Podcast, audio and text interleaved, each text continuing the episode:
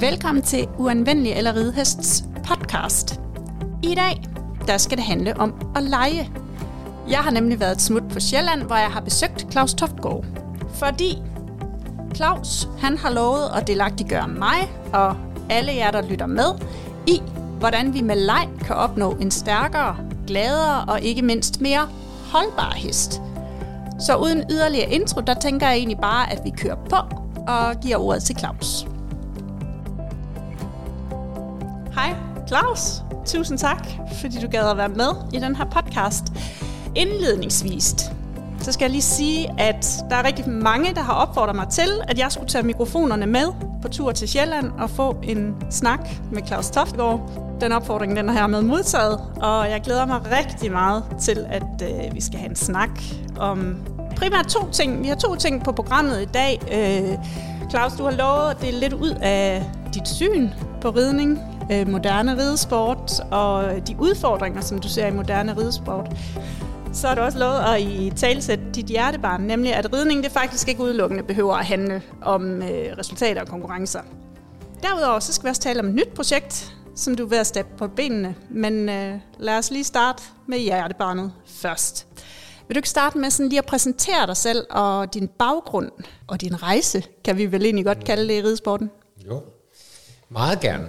Og tak fordi du vil øh, komme herover og lave et interview. Det er jeg meget bæret over. Så det er dejligt øh, i forhold til, at, øh, at øh, nogen måske kan blive lidt klogere i forhold til de rejser, vi hver især har været på. Jamen, jeg startede jo helt traditionelt. Øh, jeg er, kommer fra Bundeland op i Nordjylland og boede på et studeri og havde øh, ponje og redde konkurrence. Og, så, så jeg helt traditionel øh, konkurrencerytter var jeg jo i starten, og så var jeg, blev jeg mere interesseret i konkurrencedelen og ville gerne blive øh, berider og komme i lære øh, i Aarhus for mange år siden. Og øh, var sikker på, at jeg skulle vinde OL-medalje en dag. Øh, det var i hvert fald målet. Men øh, det, det var min krop ikke helt indstillet på, så, så øh, jeg fik en rygskade, og, øh, og det satte mig sådan ud af spillet. Øh, så jeg, øh, jeg var faktisk sengeliggende i tre måneder, og fik gips, korset og alt muligt. Oh, så det var, øh, altså jeg var spået ikke at komme til at ride rigtig igen. Øh, og på det tidspunkt, så der var jeg 23 eller sådan noget, og så øh, havde man jo ikke lige tænkt sig, at man skulle på førtidspension der. Så jeg begyndte at interessere mig for øh, kroppen, og hvordan kroppen fungerede, og hvordan jeg kunne øh, forstå, hvad det var, kroppen prøvede at fortælle mig mm. i forhold til den skade. Så, så det tog mig mange år øh, at komme øh, få kroppen i balance igen, og, og jeg besluttede mig for at blive fysioterapeut. Først til mennesker øh, tog jeg human fysioterapeutuddannelsen, og så tog jeg øh, fysioterapeutuddannelsen til heste bagefter. Og så, øh, jamen så, så startede den der nørderejse lidt der, i forhold til, at jeg synes, det var mega spændende, øh, hvor meget vores kroppe kan, og hvad de kan, og hvad, hvad sker der, når vi kommer op på hestene, og hvorfor vil den ikke det ene, og hvorfor vil den ikke det andet. Så, så det har været 30 års øh, nørderi med, med hestekrop og menneskekrop. Øh, og så har jeg været lidt i USA øh, og arbejdet sammen med Hillary Clayton, som er forsker. Ja. Så jeg prøvede ligesom at undersøge, hvad er der, hvad ligger der af forskning i forhold til øh, interaktion mellem hest og rytter. Og lige nu er jeg i en studiegruppe i Sverige, også med en dyrlæge deroppe, hvor vi læser Equitation Science og har sådan en studiegruppe. Så nu går vi all in i forhold til simpelthen at dykke ned i, hvad er det videnskaben så har fundet ud af i ja. forhold til ridning. Ja, for der er, også, altså, der er jo det her med, at du faktisk du, du kendt for nørd rigtig meget. Og på den positive måde. Og det er jeg glad for. ja. øhm, jeg har lavet mig fortælle, at du er kæmpe fan af, af det her med det evidensbaseret og sådan det bio dynamiske. Ja, biodynamiske, ja, ja, ja, ja præcis. Ja. ja. Jamen det er fordi, at jeg synes jo, jeg er jo også meget øh, alternativ på mange områder, så der er også mange, der kender mig sikkert som ham der, øh, den økologiske træner, som øh, gør nogle meget sjove ting en gang imellem. Men det er fordi, jeg aldrig, jeg, jeg stiller altid spørgsmålstegn ved det, jeg gør med hestene, og jeg, jeg prøver altid at, at spørge mig selv, om jeg kan gøre det bedre, endnu bedre, mm. i forhold til, at hesten forstår øh, det er en opgave, jeg prøver øh, at få løst i forhold til et eller andet. Det kan være en værsad, travers, eller hvad det nu kan være udfordringer. Øh, så, så på den måde har jeg i ja, rigtig mange år øh, set heste, som er opgivet af det traditionelle system. Så derfor er det også interessant, at du har spurgt, om vi skulle snakke sammen i dag, fordi det er blevet næsten mit speciale i forhold til at hjælpe heste, der er opgivet. Ja.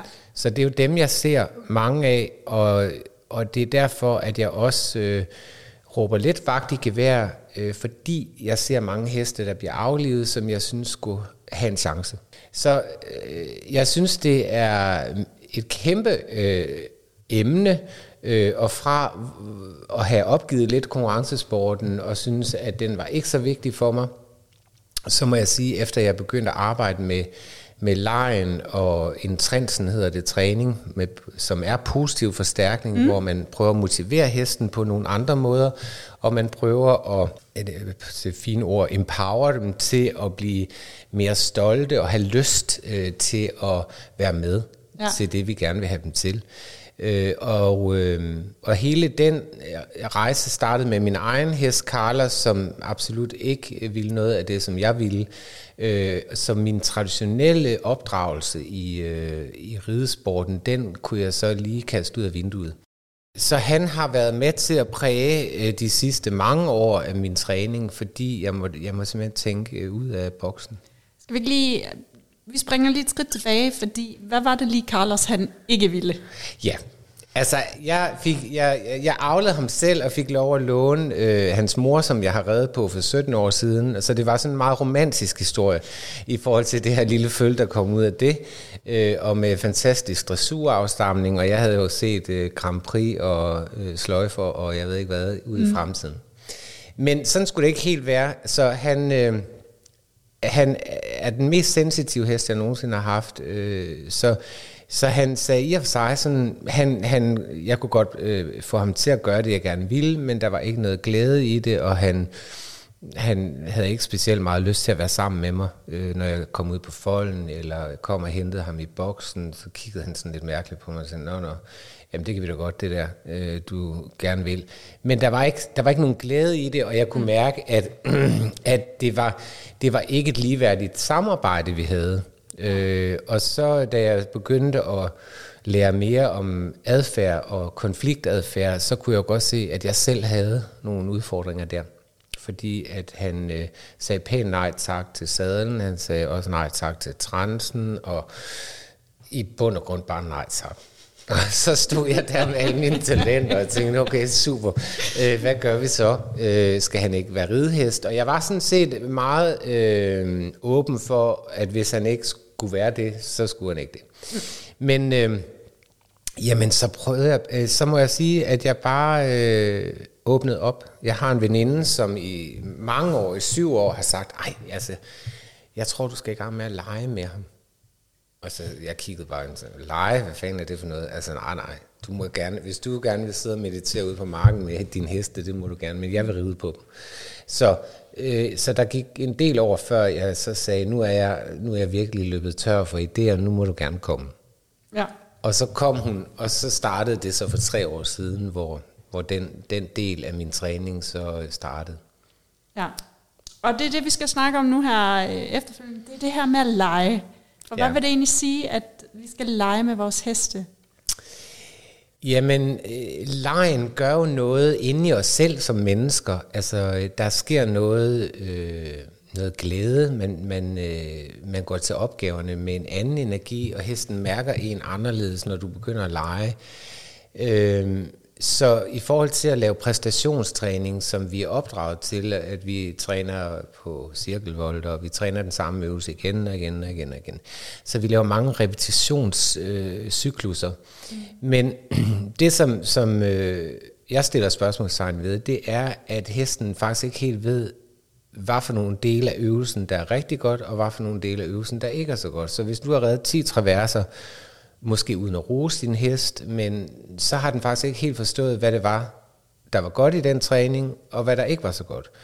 Når du begynder at lege med dem på den måde, som jeg leger med dem, så øh, forstærker du på alle de gode ting, du gerne vil have mere af. Mm. Så det er positiv psykologi øh, i forhold til træning af heste, og det er ligesom på mennesker, så positiv psykologi, det får øh, mennesker øhm, øh, motiveret, og det de forstærker en masse gode ting øh, i forhold til at, at turde prøve noget nyt og gå ombord i, i nye vinkler og ting. Ikke? Så det er det, man, jeg prøver på gennem lejen, det er jo og de der heste, der for eksempel er meget forredende eller skæve i kroppen, eller har en skæv rytter, som har siddet øh, og trukket i den ene tøjle øh, alt for meget, øh, så, øh, så gør lejen det, at når man tester dem, øh, så kan de slet ikke lege til den ene side for eksempel, altså de kan slet ikke vende eller dreje, eller, og så får du en masse information ud af det. Og de informationer kan du så begynde at hjælpe rytteren med at få omsat til øh, træning fra jorden. Ja. Det vil sige gå tur i skoven, lave vende, drejeøvelser og stopøvelser, hvor hesten begynder at spejle dig og din krop. Mm. Heste er enorm, har mange spejlneuroner, så det vil sige, at når de først har forstået lejen, så begynder de at spejle dig. Så hvis du går med høje benløft, så begynder de også at kopiere øh, din måde at bevæge dig på.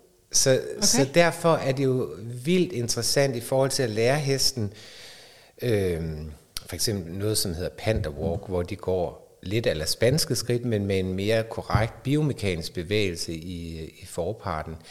Jamen, når først øh, det er forstået, jamen, så kan du begynde at lave mere øh, atletiske øh, øvelser, altså øh, samlende øvelser og øh, man bruger meget tid på at lave noget, der hedder et crunch, og det er, hvor hesten står på en palle, for eksempel, med ja. forbenene, og så træner man simpelthen, at den lærer at løfte øh, brystkassen, mm.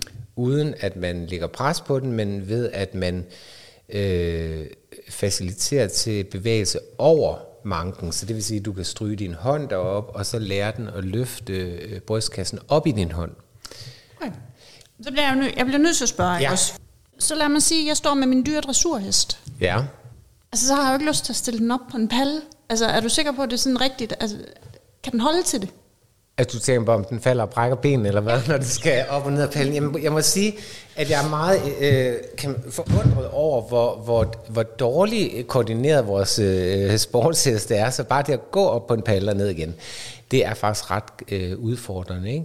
Men så ligger jeg jo en, en tyk gummimåt ovenpå, mm. øh, så man ikke risikerer, at hesten går igennem eller får skader. Ikke? Så det er klart, at man, man bliver nødt til at tage nogle øh, sikkerhedsmæssige foranstaltninger øh, i forhold til at træne. Og folk er ved at dø, når, de så skal, når vi så har lært hesten at lave de her øh, pilatesøvelser, og de så skal op og sidde på dem, op på pallen også. Så der, der er mange øh, komfortzoner, vi skal, vi skal igennem øh, s, øh, som rytter, og, og øh, jeg må sige, at grunden til, at jeg har ændret min, øh, min øh, træning, er, at første gang jeg sad på Carlos, da han gav mig et rigtigt løft, der, der var jeg lige været ude, fordi at jeg øh, har reddet i 40 år og aldrig mærket det helt rigtigt. Og da jeg så mærkede det helt rigtigt, så tænkte jeg bare, det vil jeg være med til at formidle videre øh, i ridesporten, fordi at hvis jeg har reddet så mange år, og så mange heste, og ved så mange dygtige berider, uden at mærke det sådan helt rigtigt og helt øh, øh, rent, mm. jamen så er der måske også mange andre ryttere, der ikke har prøvet at mærke det helt rigtigt og helt rent. Så, så vi leder efter noget, vi i bund og grund ikke helt ved, hvordan det skal føles op i sadlen. Ja. Så, så, så, der, så derfor er det stukket lidt af med lejen og alt det her fordi hestene lige pludselig byder ind med en hel masse kvalitet i bevægelsen, som du ikke kan få fra pres. Så lad os lige, øh, så lad os lige tage et par eksempler. Ja. Det her med leg. Altså nu snakker ja. du om den her med crunches. Jeg vil jo sige, at hvis nu der sidder nogen derude og lytter med og tænker, jeg gad egentlig også godt blive lidt inspireret til, hvordan jeg kunne begynde sådan i det små selv ja. at lege med ja. min hest. Altså, kan du give, det ved jeg ikke, tre eller fem øvelser, som man kan altså starte med? Jamen altså, man kan jo gå ind og følge mig på Facebook, for mm. eksempel på min side klaustofgård.dk, og ja. så kan man blive inspireret derinde, og så har jeg lagt flere øh, forslag ud i forhold til, hvordan man kan starte. Ikke? Ja. Øh, men det er svært teknisk at forklare, når vi sidder og taler, fordi øh, jeg tror, der er mange, der har brug for at se det. Ja. Øh, så derfor kan det være lidt svært øh, i forhold til Jeg kan give et eksempel. Jeg lancerer for eksempel ikke hestene mere. Nej. Så jeg laver sådan en bane, en rund bane, og det kan være cavalettis, du sætter mm. sammen, og så laver du sådan en 15 meter øh, cirkel. Og så træner jeg hestene rundt om den i stedet for. Mm. Så de lærer selv at flytte skuldre og nakke på plads. Så når hestene øh, arbejder rundt om noget, så får du en naturlig balance og bøjning, i stedet for at du presser dem rundt i en lonce og en pisk i måsen. Øh, øh, så for mig er det ligesom, øh, det er bare en masse kilometer, som i bund og grund kan gøres meget bedre i forhold til hestens krop. Ja, det svarer lidt til en round pin. Det kan du sige, og så er det bare øh, meget lavere, altså ja. så, så det er nede i sådan 20-30 cm højde. Og så er det, man kan begynde at introducere det, der hedder targettræning, mm. altså hvor man bruger en pind med en, en øh, svamp på, eller det kan være et lammeskins, øh, det kan være en støvkost for eksempel. Og så arbejder du øh, med hestens holdning i forhold til, at den lærer, når den sætter næsen på target, så klikker du, og så giver du den en godbid. Og når den så har forstået lejen i det, mm. så kan du begynde at lave bøjning, du kan begynde at lave værsadetræning med den, du kan begynde at lave hastighedsændringer og retningsskift, øh, som du ikke kan gøre, når du sidder i sadlen. Ja. Og det vil sige, at du får trænet hesten på en helt anden måde, øh, ligesom da den var unghest mm. og løb rundt ud på folden, der kan de jo meget akrobatiske ting, og de øh, stejler op ad hinanden, og de bukker og fiser rundt. Men den energi har vi ligesom taget lidt ud af dem, øh, øh efter vi ligesom øh, bliver seriøse og skal ride på dem, og vi skal ride konkurrence osv. Så, videre. så det jeg kan se, vi, vi har taget ud af dem, det er lidt glæden ved bevægelse, mm. og mange af de her heste, vi, som er højt uddannede øh, sportsheste, de har faktisk svært ved at bevæge sig rigtigt, når vi slipper dem løs. Okay. Og det synes jeg jo er lidt øh, tankevækkende i forhold til, at vi træner dem så meget, mm. og så alligevel er der så mange steder, de ikke kan bevæge sig i kroppen, når vi så begynder at lege med dem, eller vi tester dem i forhold til lejen. Ja. Så når, når, når du siger lege, ja. så er det i virkeligheden også det, det vi også kender som varieret træning? Det kan, det, altså for måde, mig, ja. ja, det kan du sige, det er det jo blevet for mig, øh, og, og, og det, det, fra at være mere traditionel underviser, så er der jo mange, der lige skal omstille sig, fordi det, det er virkelig et stort spring øh, for folk at tage lejen ind. Øh, for det første, så skal øh, man skal prøve at mærke det selv, og man skal forstå det, og det tager lang tid for hesten at åbne op, fordi øh, de har ikke øh, været vant til selv at skulle tage initiativ i træningen, fordi vi fortæller hele tiden, du skal gøre det her, du skal gøre det her, du skal gøre det her. Når du slipper dem løs, og så begynder at lege med bold, eller target, eller et eller andet, så Carla stod bare nede i hjørnet og kiggede på mig og sagde, hvad fanden er det for en mærkelig mand, der står derinde og vifter og hopper rundt. Så han blev sådan lidt bange for mig i starten, så det tog mange måneder, inden han sådan tænkte, gud, jeg må godt noget, og vi kan godt fise rundt og være åndssvage. Så den der... Øh, den der byden ind med hinanden, og øh, hvad kan vi i dag, og hvad har du lyst til i dag, og sådan noget, i stedet for, øh, du spænder gjorden og siger, når vi skal lave 10 etter i dag, fordi mm. der har jeg besluttet øh, mentalt, at det er det, træningen går ud på i dag. Mm. Jeg kan bare se, at hvis vi lige giver hesten lidt plads, og siger, okay, hvad kunne du byde ind med i dag? Så der kunne ligge en bold ind i ridehuset, der kunne ligge en, øh, der, jeg bruger en væbe eller en palle, og så går hesten hen til et eller andet, og så kan man lige starte træningen der og sige, okay, og så har man jo ligesom mødt hesten og sagt, jeg ser dig, jeg hører dig. Mm. Øh, så det, altså lejen gør jo, at man er to om at have det sjovt sammen. Ja. Ikke også? Så hvis, hvis man som barn legede med naboen, og naboen altid skulle bestemme, hvad man skulle lege, så gad man jo ikke at lege mere. Mm-hmm. Så spørgsmålet er, hvor meget de der heste gider os, hvis vi i bund og grund spørger dem. Ikke? Ja. Så, så, så jeg vil gerne bidrage med, at jeg tror på, at vi kan nå meget længere også i sporten, øh, fordi bevægekvaliteten ændrer sig 80% ja. til det bedre. Og det vil sige, at når vi får hesten gymnastiseret, gennem lejen og lære at løfte ryggen rigtigt, mm. og lære at øh, føre vægten hen på bagbenene, jamen så kan vi alt det der, vi gerne vil. Ja. Men vi har bare ikke lært dem det, øh, før vi begynder at ride på dem. Så, så derfor er det sådan, at jeg er blevet advokat for den måde, vi træner på, fordi jeg synes, det er håbløst meget, det vi laver med dem. Okay. Så yes. er det sagt. Så er det sagt. så er det sagt. For en god ordens skyld, prøv lige at præcisere håbløst. Ja. Håbløst hvordan? Men det er, når jeg tænker på, hvordan jeg selv lærte for eksempel at ride en hest til. Så tager vi de unge hestene ind. Øh, nogen har forberedt hestene til træning, øh, så der er nogen, der er ved at ændre øh, kan man sige, fokus i forhold til træning. Ikke? Men ellers kommer de der rå heste ind og bliver lanceret og får indspændingstøjle på og en sadel på. Og så i løbet af et par uger, så sidder man på dem. Men deres kroppe er slet ikke klar til efter tre uger, at man kan bære en rytter. Øh, så det vil sige, at vi modarbejder vores egen proces, fordi at øh, du nedbryder den der hestekrop øh, på den måde, vi gør det nu, i stedet for at bygge den op. Øh, og har hesten ikke lært at løfte øh, brystkassen, når der kommer sadel på og rytter på, jamen så har vi heste, der, der får skader i forbenene, fordi de kan simpelthen ikke, øh, der, de bliver alt for forpartsbelastet. Mm. Øh, og så har vi lært, at vi skal ride dem frem og ned, øh, og så får vi endnu mere forpartsbelastning, øh, hvis ikke de har lært at stabilisere brystkassen, øh, Ja. ja. inden vi rider på dem. Der er mange øh, udfordringer i den måde, vi gør det på, yes. Og jeg tror, det er derfor, at vi, vi, vi øh, afliver så mange heste også. Vil det sige, at hvis jeg eksempelvis køber en unghest, så skal jeg begynde at lege med den, når den er, den er et år? Altså det, som jeg har fundet ud af i forhold til spejlingen, altså deres måde at spejle din krop på, for eksempel. Mm. Det er det, hvis nu man tager til et internationalt stævne, og man ser øh, dyrlægetjekket, mm. så prøv at stille jer bag ved, ved rytteren og hesten, og så kan I se meget præcist, øh, hvordan rytteren bevæger sig, når de løber afsted. Og man kan også se hesten, og mange gange er de skæve på samme måde. Så det vil sige, at de skævheder, vi har som mennesker, dem kopierer hesten også. Og det vil sige, hvis ikke vi får styr på os først, inden vi skal op og ride og lave en hel masse smart, mm. så, så kommer vi altså lidt skævt fra start.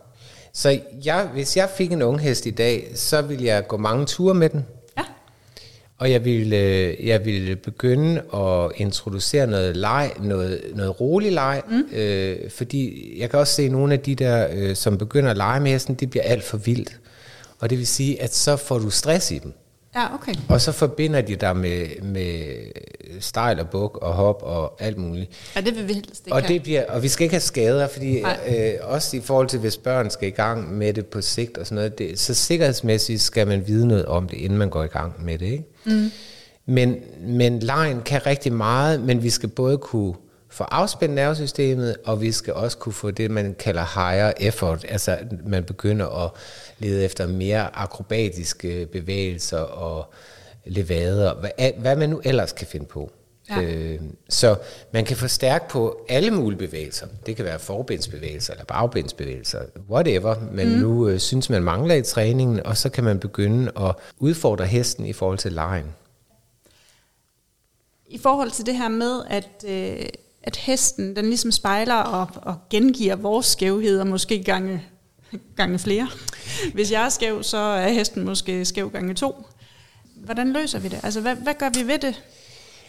Jamen. Fordi jeg tænker, det sværeste der, undskyld, nu afbryder jeg, men, men det sværeste er jo faktisk at ændre en vane, når man er altså, godt og grundigt kørt ind i den. Ja. Øhm, Altså det, som jeg prøver på, altså nu har jeg arbejdet med det øh, så lang tid, så det, jeg prøver at gøre det meget simpelt i Ja. starten, fordi hvis nu man øh, som rytter, øh, det er ret overvældende at komme hos mig, fordi jeg laver en rytteranalyse, og jeg laver en bevægeanalyse på hesten, og øh, så skal vi i gang med noget træning, øh, og det, det, folk står nogle gange og kigger på mig, som om jeg kommer fra en anden planet.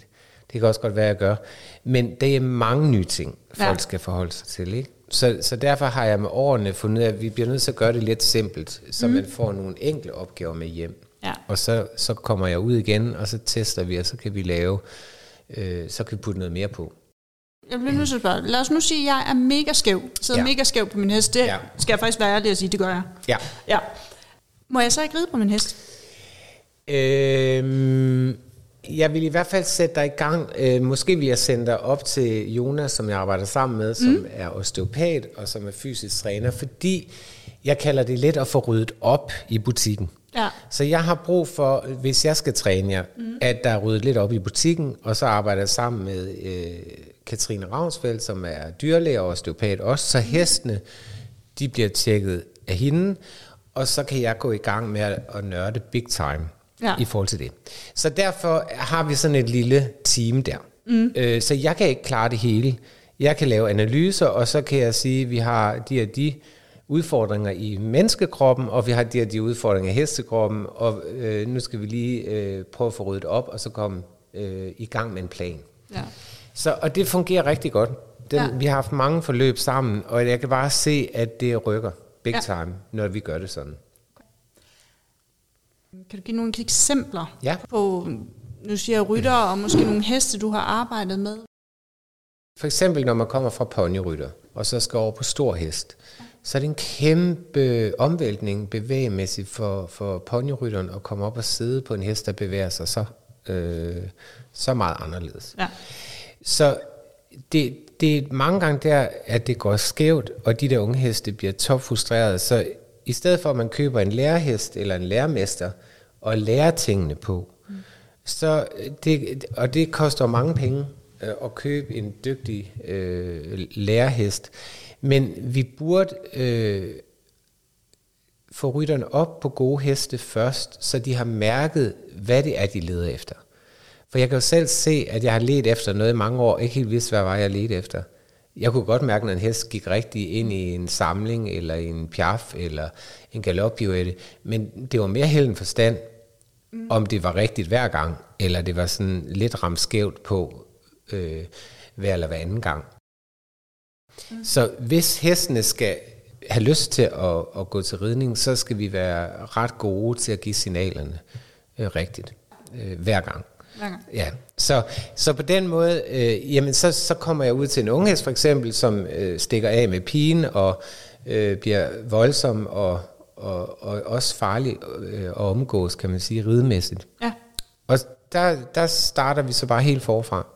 Så, øh, og det kan være bare at gå ture med den, det kan være at lave noget træning rundt om øh, det, som man kalder protected space. Altså man har mm. et sted inde i midten af banen, hvor man kan hoppe ind, hvis hestene bliver for vilde for eksempel, så øh, man ikke kommer til skade, eller bliver sparket, eller...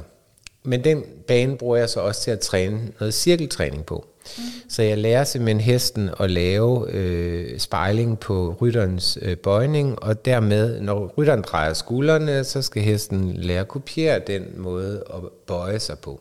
Ja. Så det kunne være starten. Og så hvis det går rigtig godt, så næste gang, og hvis, hvis vi har fået løst de der øh, blokeringsproblemer, det, mange af dem er mega skæve. Så det vil sige, at de går på to eller tre spor den ene vej rundt, og kan slet ikke dreje hovedet for eksempel indad. Og det vil sige, øh, når man som rytter så har prøvet at få den til at stille i nakken og hæve godt i den indvendige søjle, så er den blevet endnu mere låst. Mm. Så alt det der, det skal vi lige have lidt styr på, inden øh, vi skal op og ride. Så jeg kan sagtens have et forløb, hvor vi siger fire uger, ja. fem uger, seks uger, jeg er ligeglad. Det tager den tid, det tager. Mm. Øh, og det kan også tage flere måneder, fordi jeg ved, at vi kommer ikke i mål, hvis ikke hesten kan. Nej. Så hvis jeg sætter rytterne op, og hesten ikke kan honorere de bevægelser, jeg gerne vil have igennem øh, hestens krop, jamen så ved jeg, at jeg, så får vi den tilbage i de gamle konfliktadfærd, øh, som, som, som vi startede med. Så det kræver tålmodighed, og tålmodighed, og tålmodighed. Og, og så, endnu mere tålmodighed. Ja, og ja. når så rytteren kommer op, og jeg kan begynde for eksempel at lave spejlingstræning fra jorden, så det vil sige, at jeg har styr på hesten. Mm. Og hesten synes jeg er forholdsvis sjov at lege med, jamen så kan jeg give rytteren de fornemmelser i kroppen, som de mangler. Jeg har selv reddet så mange år og været topfrustreret over, øh, at min hest, mange af dem ikke kunne bøje eller stille og runde til venstre og sådan noget. Men det handlede om min hofte og min måde at sidde på i sadlen, mere end det handlede om, at det var hestene, der havde problem til venstre. Ikke? Ja. Så jeg måtte tilbage til mig selv og finde øh, nøglerne i forhold til, hvordan fanden får det her løs. Og ja. nu kan jeg så se, at lejen kan gøre, at jeg kan hjælpe rytteren til at sige, nu leger jeg med din hest, du mærker bare. Så jeg kan tage for eksempel en lammesadel med i bilen, og så øh, kigger, der er jo mange, der er ved at dø af skræk, uden bøjler i en lammesadel. Øh, okay. Men når de så kommer op i lammesadlen, og jeg begynder at lave bøjning og væresader og så videre, og de begynder at mærke, hold derop, det har jeg aldrig mærket før det her. Mm. Eller de har mærket, hvordan den løfter ryggen rigtigt. Og det er sådan, nu var jeg ude og holde foredrag i går, altså det er virkelig mindblowing for de der mennesker. Altså de har bare sådan, det er den ene har oplevet efter den anden. Ikke? Og hvis nu vi kunne spare hesten for alle de der misforståelser, vi laver med dem, Ja. i træningen, kan du godt se, så, så vil vi få glade heste ud af træningen, som også gerne vil præstere. Men øh, for eksempel toprytterne i dag, de har gennem mange, mange års træning i sadlen fået en erfaring i deres rytterkrop. Mm. Men den kan du ikke købe dig til. Så selvom du rider ved de bedste, og har de bedste heste, så bliver du nødt til at gå hjem og arbejde med dig selv. Fordi du kan ikke, det, det kan ikke købes. Og det er derfor, at nogle af toprytterne kan lave den ene Grand Prix hest efter den anden, for de har forstået det, men de kan ikke forklare det øh, præcis, hvad det er, der sker i kroppen. På, på, fordi timing, når vi rider, skal være så præcis i forhold til signalgivningen, øh, når ja. vi giver signalerne. Så, så, så derfor tror jeg, at ridning er nok den sværeste sport i verden. Altså, du kan komme, øh, fordi at du sidder på noget, der bevæger sig, og du skal øh, i to øh, væsener skal koordineres, øh, bevæge med sammen. Det er vanvittigt svært. Ja. Tal erfaring. Vanvittigt svært. Ja, det er vanvittigt svært. Så, og selvom vi prøver at gøre det simpelt, så er det stadigvæk, øh, det kræver, det kræver øh, meget tålmodighed. Ja. Jeg tænker, det næste, vi skal omkring, det er det her med, når så det går skævt. Ja. Øh, Ja. så går det nogle gange rigtig skævt, og det betyder faktisk, at der er nogle heste, der, øh, der strander lidt med en erklæring, der hedder, at de er uanvendelige til, Ja. ja. til ridesport og så videre. Og det ved jeg, det har du øh, ja, en kæphest omkring. Øh, og også et lille, et lille projekt ja. i opstarter. Det kunne jeg, Jeg egentlig godt tænke mig. Ja, og Ja. det kunne jeg godt tænke mig, at vi også skulle snakke lidt om. Ja. Men det er jo nok, fordi jeg har set mange af de her heste, øh, som, hvor man har brugt altså op til flere hundredtusind kroner i øh, dyrlægeregninger. Mm. Og lige pludselig så er kassen tom. Og så, øh, så er det som regel mig, man ringer til, fordi jeg er lidt den alternative, og så kunne det godt være, at jeg kunne et eller andet.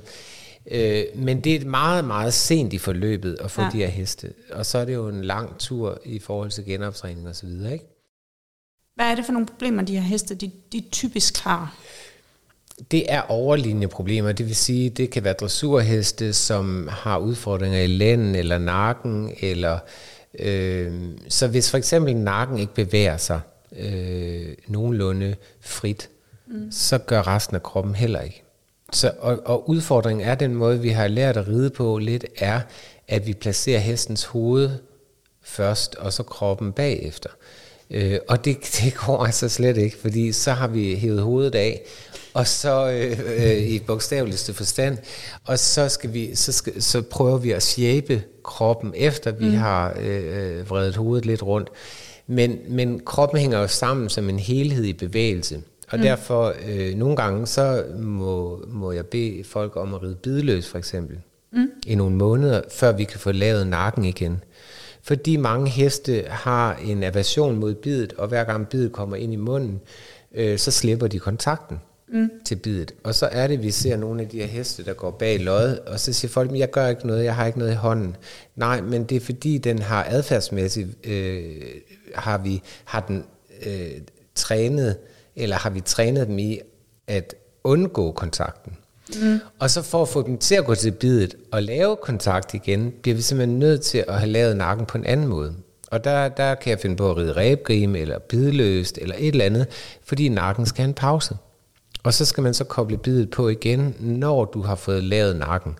Men du kan altså ikke, du kan ikke lave nakken, hvis først det er gået i udu. Altså det kan man ikke med bidet, øh, de der heste, som slipper tøjlen. Det er faktisk talt umuligt.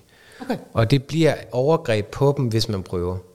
Jeg har ikke set det fungere i hvert fald. Og så siger folk, "Ah, men så prøver jeg noget andet bid, eller et gummibid, stang, og du ved, så skifter man rundt med 10 forskellige bid, og så giver det måske tre dages ændring i træning. Men du kommer tilbage til udgangspunktet, fordi den nakke stadigvæk ikke dur, ja. og stadigvæk øh, ikke kan bevæge sig. Og så kan den heller ikke bevæge bagparten. Så, så det hele hænger sammen i forhold til, at vi har en, en længdeakse, der skal bevæge sig. Så, så jeg ser det sådan mere som en helhed i dag, hvor førhen, der kunne jeg godt gå sådan helt nørdet ind i to led eller tre led. Men vi skal altså bare have det hele til at, at spille sammen. Og hvordan ser den pyramide ud? Hvad skal fungere først? Jamen altså, som jeg ser det, så skal nakken være fri. Den skal kunne bevæge sig frit, øh, og nu har jeg jo selv haft mange problemer med min egen krop, øh, og gik til noget, der hedder Alexander-træning i mange år, som øh, blandt andet fokuserer rigtig meget på, at du har en fri nakke, som kan bevæge sig i de retninger, så resten af kroppen også kan bevæge sig. Så derfor er jeg sådan meget fokuseret på den nakke i starten. Og, øh, og så er der mange af de andre ting, der rasler lidt på plads af sig selv, øh, faktisk når, når hesten kan bevæge sig frit i, øh, i nakken igen. Ikke? Så, så det er en af mine sådan større kæpheste i forhold til at lave targettræning øh, og palletræning. Så mm. bruger jeg så øh, mobilisering, altså laver strækøvelser med hesten på pallen, så jeg både får lavet brystkassetræning og jeg får lavet nakketræning. Og når ja. det så begynder at køre på pallen, så begynder jeg at introducere til mere øh, på bådespor og cirkeltræning og alt det andet, der vi også laver. Ikke? Jeg har lyst til at spørge dig, øh, i forhold til det her palletræning og generelt øh, de her redskaber, du bruger, det hestens proprioception. Ja. Er vi gode nok til at udsætte vores heste for forskellige ting?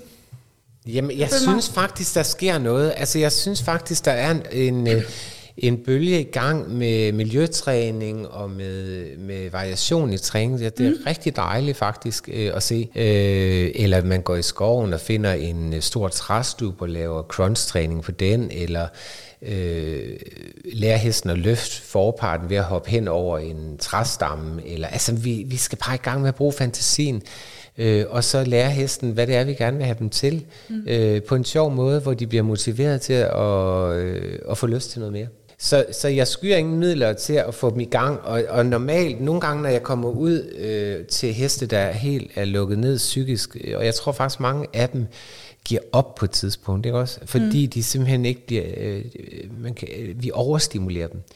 Og det vil sige, at vi giver dem for mange signaler, som de ikke kan skelne imellem. Så, mm. så hestene øh, for at overleve, kan man sige, man kalder det overfloating, jamen så lukker de ned psykisk. Og så kan mm. det godt være, at du kan ride rundt på dem, og du kan godt få dem til at springe lidt, og du kan også få dem til at gå, men, men de er ikke med.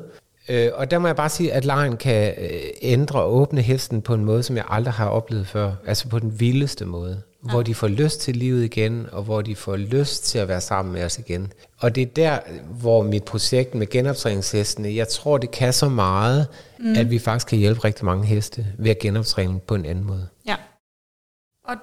Det er sådan en fin intro til, at vi lige skal have dig til at præsentere det her genoptræningsprojekt. Fordi hvad er det, hvad er det du har gang i? Ja, Jamen, jeg, jeg har tænkt over det i lang tid, og så øh, Katrine, som jeg arbejder sammen med, som er dyrlæge, vi begyndte sådan at tænke lidt flere tanker omkring det, i mm. forhold til at lave øh, et dokumenteret forsøg, øh, i forhold til at tage en, altså en, en gruppe ud med specifikke problemer. Det kunne være lændeproblemer eller halsproblemer, og så måske køre øh, et forsøg over et års tid med at genoptræne de her opgivet heste. Mm. Så vi kan få ny viden i forhold til, hvad virker øh, på de her problematikker. Det kunne for eksempel være øh, halsproblematikker, og kan vi komme i mål øh, i forhold til at hjælpe dem øh, med at vende tilbage til til sunde øh, bevægestrategier i forhold til en anden måde, i forhold til lancering og kapsultræning og alt det traditionelle, vi gør med heste. Ja. For det, det tror jeg, vi kan. Ja, og det vil sige, det er specifikt heste, som har problemer i, nu siger vi, halsregionen. For eksempel. Det har, vi ikke, ja, det har vi ikke helt besluttet endnu, men det kunne for eksempel være øh, heste med, med halsproblemer, som ja. der er rigtig mange af i dag. Ja. Øhm, og så, så kunne man så lave et forløb, og jeg lagde bare et opslag op, og der er kommet så mange tilbagemeldinger. Der er så mange, der gerne vil være med, og det er lige fra at donere foder og behandlinger og tandraspninger og juristhjælp. Og, mm. Altså, det er ret vildt. Øh, ja. Så jeg er, meget, øh, jeg er meget beæret over, at der er så mange derude, som, øh, som simpelthen synes, det er mega spændende. Så, øh, så øh, nu skal vi lige i gang, og vi skal lige have sat lidt retning på, og vi skal have skrevet formål og sådan noget. Ikke? Så, men det, det, er, det er meget spændende, og, og jeg håber, at vi kan komme i gang snart. Hvad skal der til for, at I kan komme i gang? Altså, der skal jo ret mange penge til, fordi ja. det er dyrt at have en hest opstallet, og det er dyrt i forhold til, øh, at vi skal have nogle fagpersoner ind over, mm. øh, som skriver og dokumenterer det her, og måske også øh, videooptager vores øh, træningsseancer, så vi kan hjælpe andre til at, mm. at tænke ud af boksen. Ikke? Så, så der, det er sådan en større omgang, som vi skal ud og finde penge til. Sådan en større setup. Ja, det er ja. det. Men, men der er så meget god energi i det, øh, og jeg kan mærke, at, øh, at det, øh, det er vigtigt, øh, og det er måske et tegn til, at det er tiden nu til at prøve at sætte det i søen. Det kan være, at vi lige sådan skal snakke om, fordi du og jeg, vi, øh, vi snakkede lige lidt om, inden vi tændte mikrofonerne, det her med, øh, med den her udtalelse, der er kommet omkring sportsheste. Hvad tænker du om det? Jamen altså, jeg har, altså nu skal man ikke sidde her og være bagklog, men, men det snakkede vi også om før, Helle, i forhold til at sige, jamen jeg har sådan de sidste 10-15 år sagt, altså jeg tror, sporten bliver lukket ned, hvis vi ikke gør noget drastisk. Så på den måde, at dyreetisk råd er kommet med den udtalelse, det undrer mig ikke. Og jeg står ikke og siger, haha, der kan I bare se, men vi skal tage det alvorligt, fordi der skal ske ændringer i forhold til, øh, hvordan vi træner hestene, og også hvordan, øh, hvordan vi har hestene. Mm. Øh, så der er mange, øh, der, der er mange øh, ting, vi skal tage tiltag til, hvis hestene skal have et værdigt og, og, og godt liv, mens de er her hos os. Mm. Øh, og det er os, der har ansvaret for, at de øh, får det. Ja. Så, så på den måde er jeg, er jeg lidt øh, glad for, at vi, øh, at vi øh, bliver nødt til at kigge øh, lidt dybere på, på sagerne nu. Altså jeg vil sige, når jeg læser den udtalelse, som dyretisk Råd de kommer med, så, øh, så er jeg faktisk på mange måder, det er ikke nogen hemmelighed, det står også gerne på mål for, jeg er, jeg er meget enig i mange ting. Der er også nogle ting, hvor jeg tænker, at okay, det, det kan blive lidt svært at implementere i praksis, at avlshængste skal gå på folde sammen og så videre.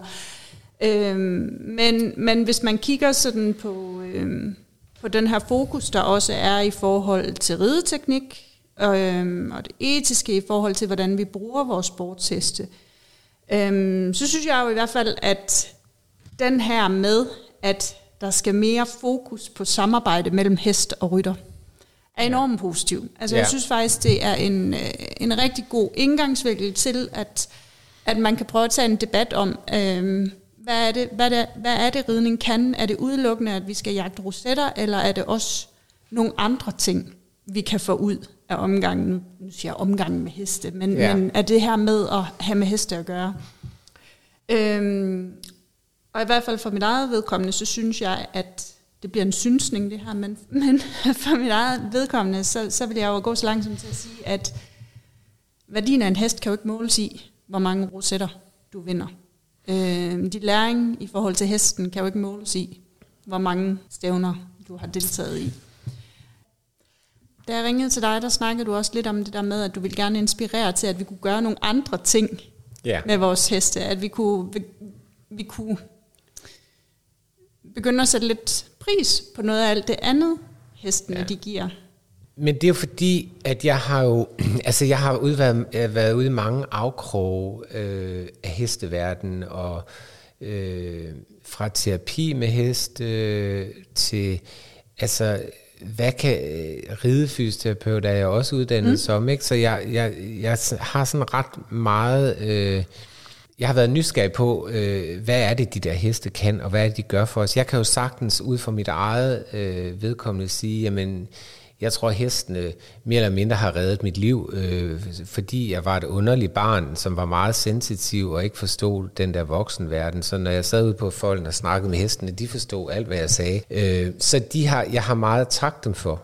Øh, mm. Øh, og jeg tror, at heste øh, kan være nærværende på en måde, som vi som mennesker ikke øh, har lært endnu. Mm. Øh, så de giver os rigtig meget af det, som vi øh, ikke får øh, af hinanden. Øh, Øh, og der, der er det jo, at, øh, at heste, vi har haft en på gården, en, en pige, som har haft øh, spiseværing og så videre, øh, og bare det, hun kom ned på gården og fik lov at være med, øh, det gjorde, at hun fik lyst til livet igen. Så dyrene kan noget helt fantastisk, øh, og hestene især.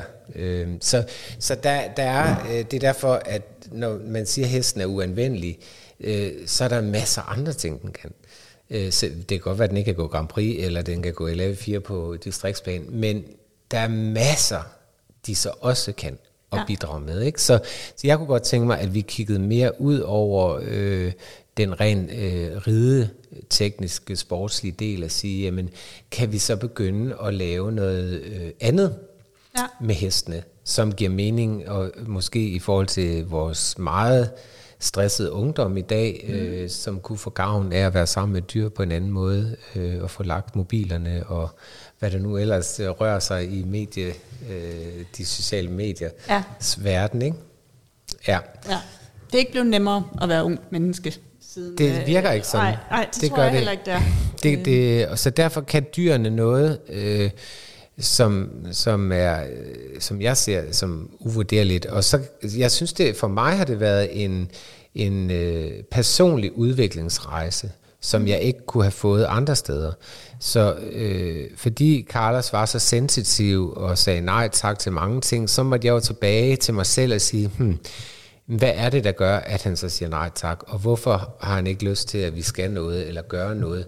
Så de signalerer meget tydeligt på stress øh, og på vores humør, kan de skælne imellem. Øh, man har lavet masser af forskning og forsøg, øh, at de simpelthen kan afkode dit humør når du kommer ned i stallen.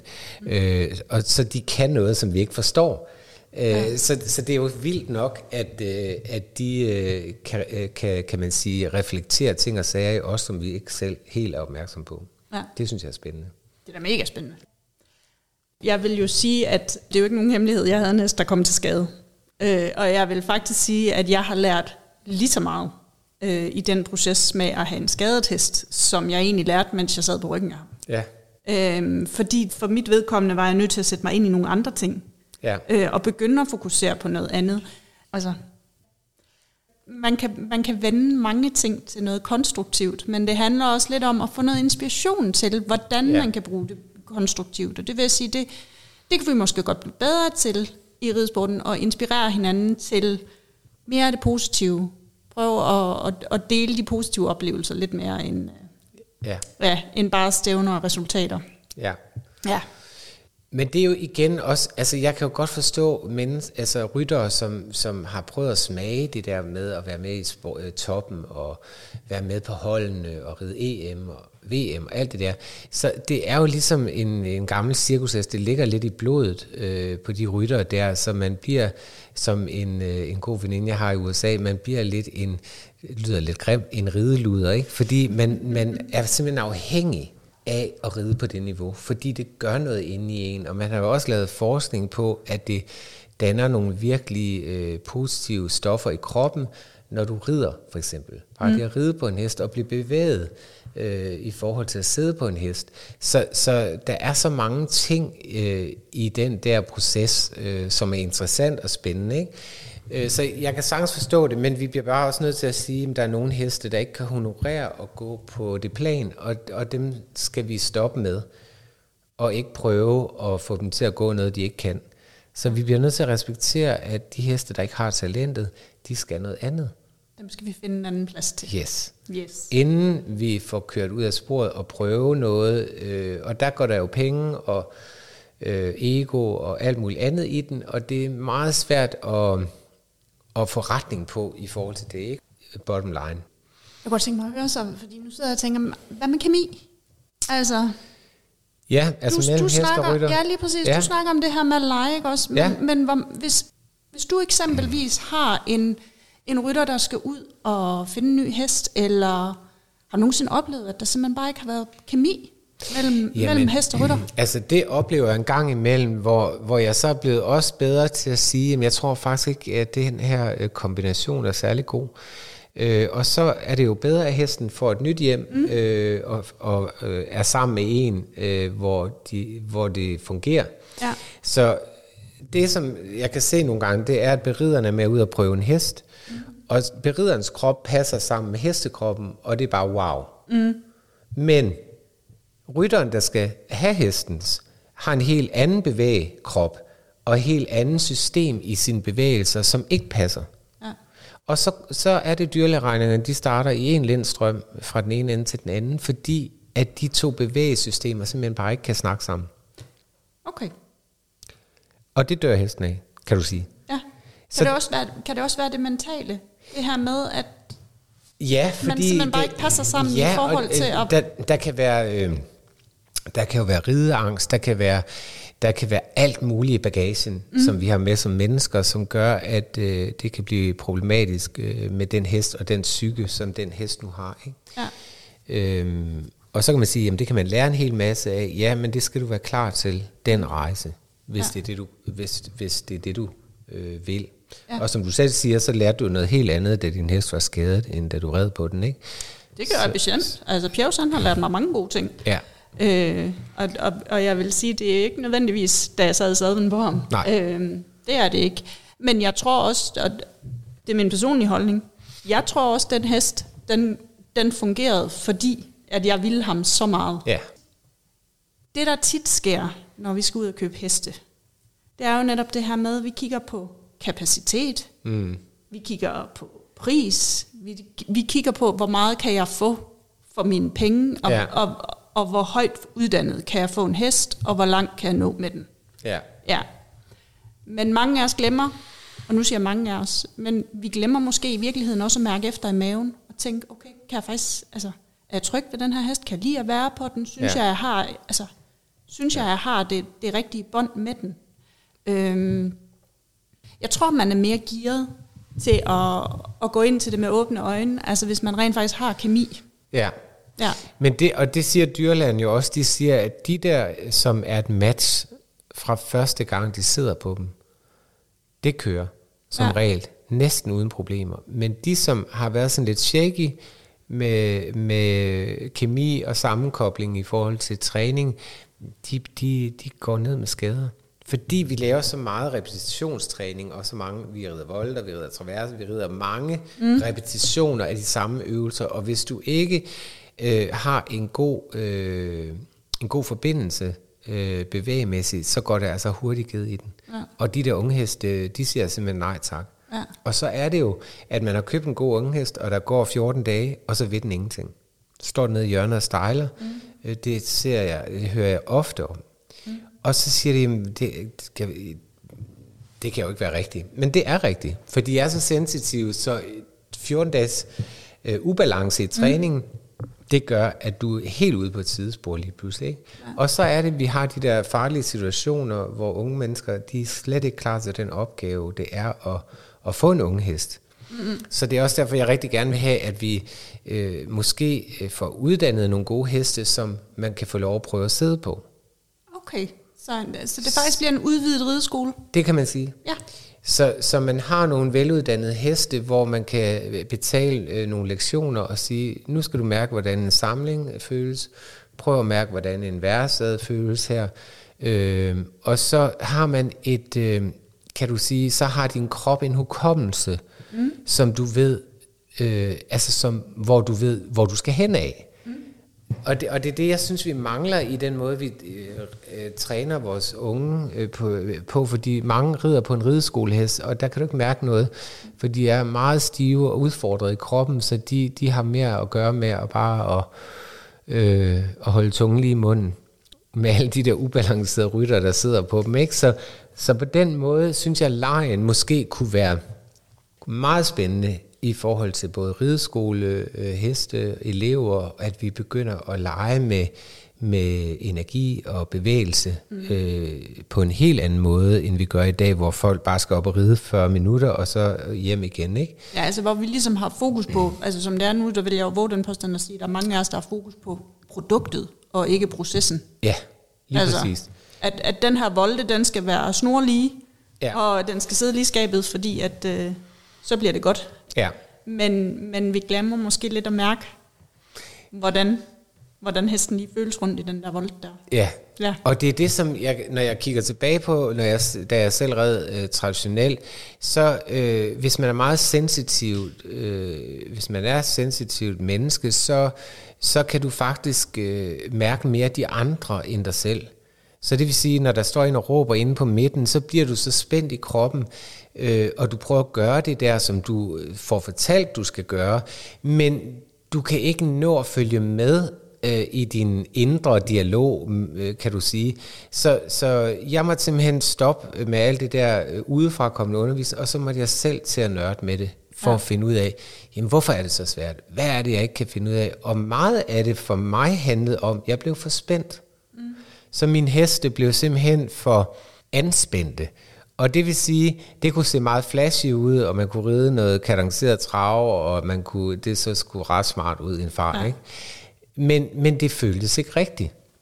Så, så, så derfor måtte jeg i lammesadel og ræbgrim og hele turen rundt den vej, for at komme hjem igen til det udgangspunktet var. Og det var jo, at da jeg som barn red rundt på min dartmoor på fuld gardin ude på stubemarken øh, og faldt af øh, i tid og utid, jamen jeg vil tilbage til lejen, og jeg vil tilbage til, at vi har det sjovt, og jeg tror på, at vi kan lave mega gode præstations... Øh, øh, øh. Så det er ikke fordi, at jeg synes, vi ikke må ride sport. Mm. Øh, så, så jeg vil bare en helt anden vej, hvor hesten også øh, bliver hørt her. Ja, hvor det er mere fokus på forbindelsen. Ja, det kan du sige. Det er ja. en god måde at se det på. Yes, jamen øh, Claus, jeg tror, var, var det ordene for i dag i hvert fald? ja, vi kunne blive ved. Vi kunne sagtens blive ved. Hvad hedder Jeg tror, vi kom, øh, kom meget rundt vi kom om meget forskellige rundt. ting. Ikke? Ja. Så vi, vi kan jo altid uddybe det, hvis det er, vi skal på et andet tidspunkt. Godt, jamen uh, tusind tak for det. Meget inspirerende. Og jeg sad og smilte det meste af tiden. Uh, det tænker jeg, det er en god ting. Selv tak. Før vi lukker og slukker for dette afsnit af vores podcast, så vil jeg lige påpege, at jeg i denne podcast faktisk tuner ren flag. Jeg bliver nemlig ofte spurgt om, hvad mine egne holdninger til ridesport de egentlig er. Øh, for til synlædende, så er det ikke helt tydeligt, hvad jeg som afsender øh, selv tænker om vores sport. Lad mig lige gøre det klart. Jeg har intet imod stævner og konkurrencer. Jeg ser det som en naturlig del af at dygtiggøre sig, og jeg har også selv startet en del stævner gennem tiden. Men i min optik, så er der stor forskel på at konkurrere med en hest, der er klar på opgaven, kontra at presse en hest gennem uddannelsessystemet, fordi vi har en forventning om, at vi og hesten minimum skal være på et vist niveau, før det giver værdi for os. Min personlige holdning den er også, at vi netop bør sikre et system, hvor det gode samarbejde mellem hest og rytter i højere grad honoreres, frem for at fokusere på den ekstraordinære hest. Og sidst, men ikke mindst, så er jeg kæmpe fan af kvalificeret undervisning. I Dyreetisk Råds rapport der bliver det fremhævet, at vi skal gøre op med vores syn på hesten som atlet. Den udtalelse den er jeg dog delvis uenig i. Fordi i min optik, der er heste atleter. De er atleter i det øjeblik, vi begynder at træne dem for at styrke deres kroppe. De er den ene halvdel af en ekvipage, og hvis hesten den ikke fungerer, så fungerer ekvipagen heller ikke. Derfor så er det også så vigtigt, at vi har glade atleter. Men at jeg betegner hesten som en atlet, det er ikke ens betydning med, at jeg ikke nyder at være sammen med min hest ude på folden eller i stallen. Eller at den kun giver værdi, hvis den kan præstere på en ridebane, eller at den kan indfri mine ambitioner. Tværtimod. Og i min optik, der skal vi blive meget bedre til at tale om det i vores sport. Med de ord, der vil jeg runde af for i dag med en opfordring om, at øh, du kommer ud og leger med din hest og giver den lov til at bide ind. Husk, at du på vores side uanvendelig.dk kan finde topfaglig viden og artikler om skader og sygdomme hos heste. Du kan også følge med på Facebook, hvor vores side hedder Uanvendelig eller Ridehest, og du er ligeledes velkommen til at følge mig og min private Instagram-profil. Hvis du søger på Uanvendelig, så er det den, der kommer frem. Vi høres ved.